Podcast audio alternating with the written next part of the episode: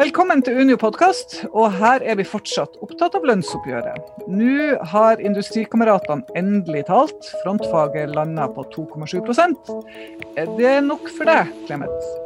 Nei, det er ikke nok for meg i år. Uh, Unio har uh, vedtatt en uh, et lønnspolitisk dokument som tilsier at vi skal ha en klar reallønnsvekst. Så det må bli eh, noe annet enn 2,7, som vi oppfatter eh, ikke er en klar reallønnsvekst. Clemet Rønning Aaby, du er forhandlingssjef i Unio. Om ei uke braker det løs også i offentlig sektor. Da begynner lønnsforhandlingene i kommune og stat.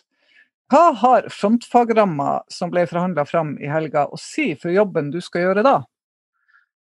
Det som tallet som har kommet fram nå på 2,7 er jo et normtall. og I norsk arbeidsliv så forholder vi oss til det. Men eh, for vår del så forholder vi oss ikke til det i år på annen måte enn det f.eks. varehandelen og finansnæringen forholdt seg til 1,7 i fjor.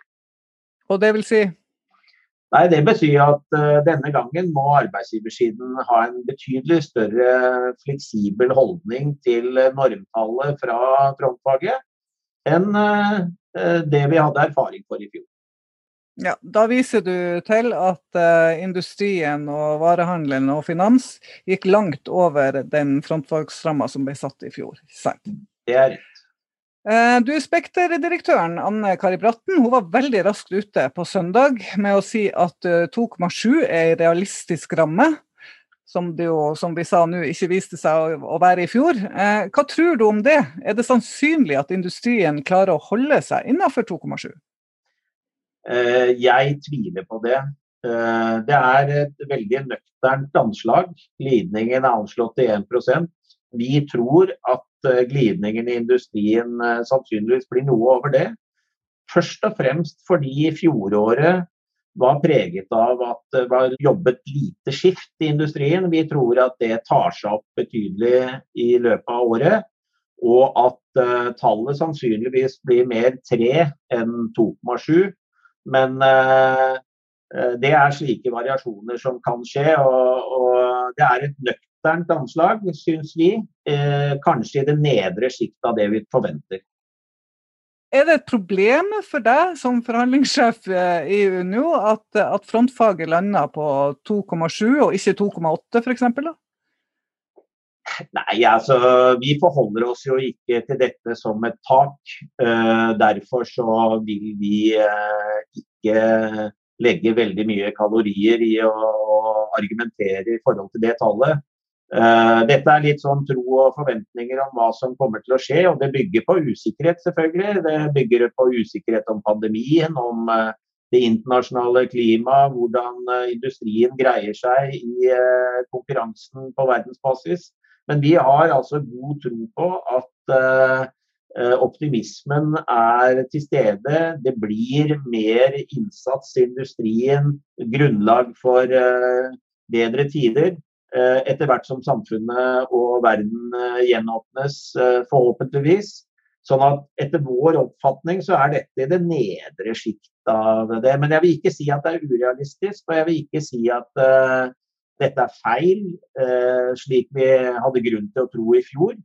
Uh, sånn at dette er mer et nøkternt anslag som, som vi får ta til etterretning.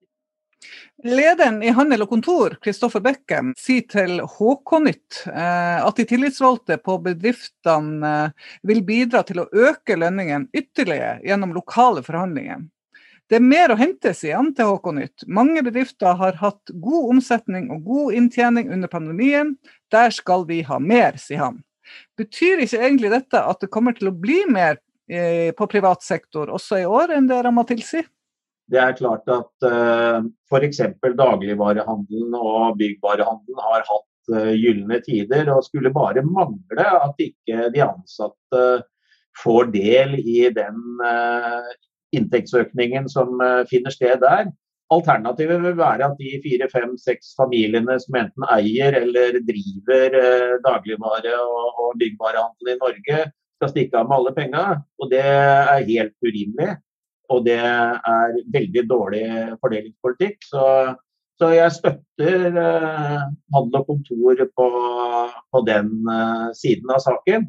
Men vi mener faktisk at eh, også våre grupper som har stått i gjørma i koronaen, enten i skole, barnehage, primærhelsetjenesten eller hvor det måtte være, har like gode grunner til et lønnsløft i år, og vel så det, som varehandelen og for den saks skyld finansnæringen.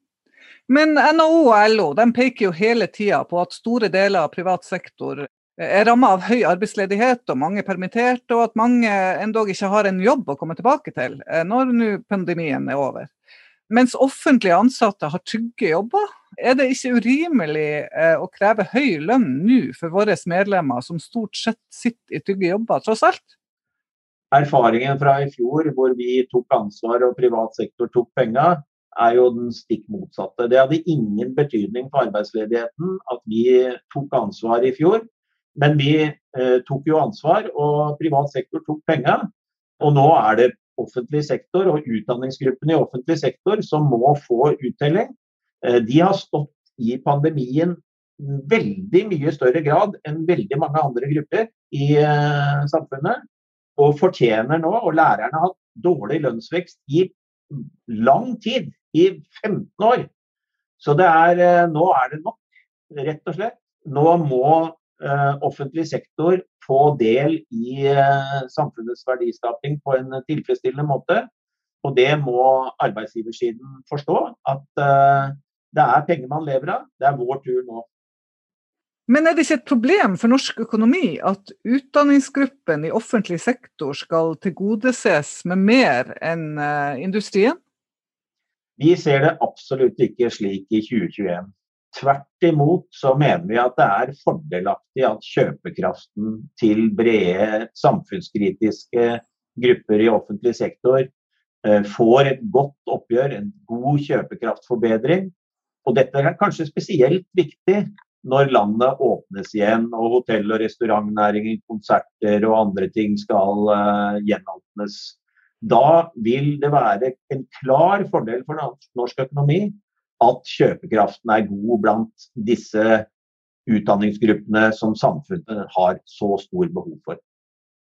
Det blir jo sagt at uh, vår gruppe, altså at utdanningsgruppen i offentlig sektor, uh, over tid har hatt en god lønnsutvikling, og at det er sånn man må se på frontfagmodellen. Hva, hva svarer du på det? Ja, I fjor hadde alle dårlig lønnsutvikling. Uh, noen år før hadde enkelte grupper eh, brukbart, men f.eks. lærerne har jo hatt dårlig lønnsutvikling sammenlignet med alle andre i veldig lang tid. Så verken lønnsnivået eller lønnsutviklingen er noe å skryte av. Den må vi eh, gjenopprette eh, dit hen at det skal lønne seg i de samfunnskritiske funksjonene som denne pandemien har vist trengs så sårt. Hvor mye må Unio ha for å unngå en streik?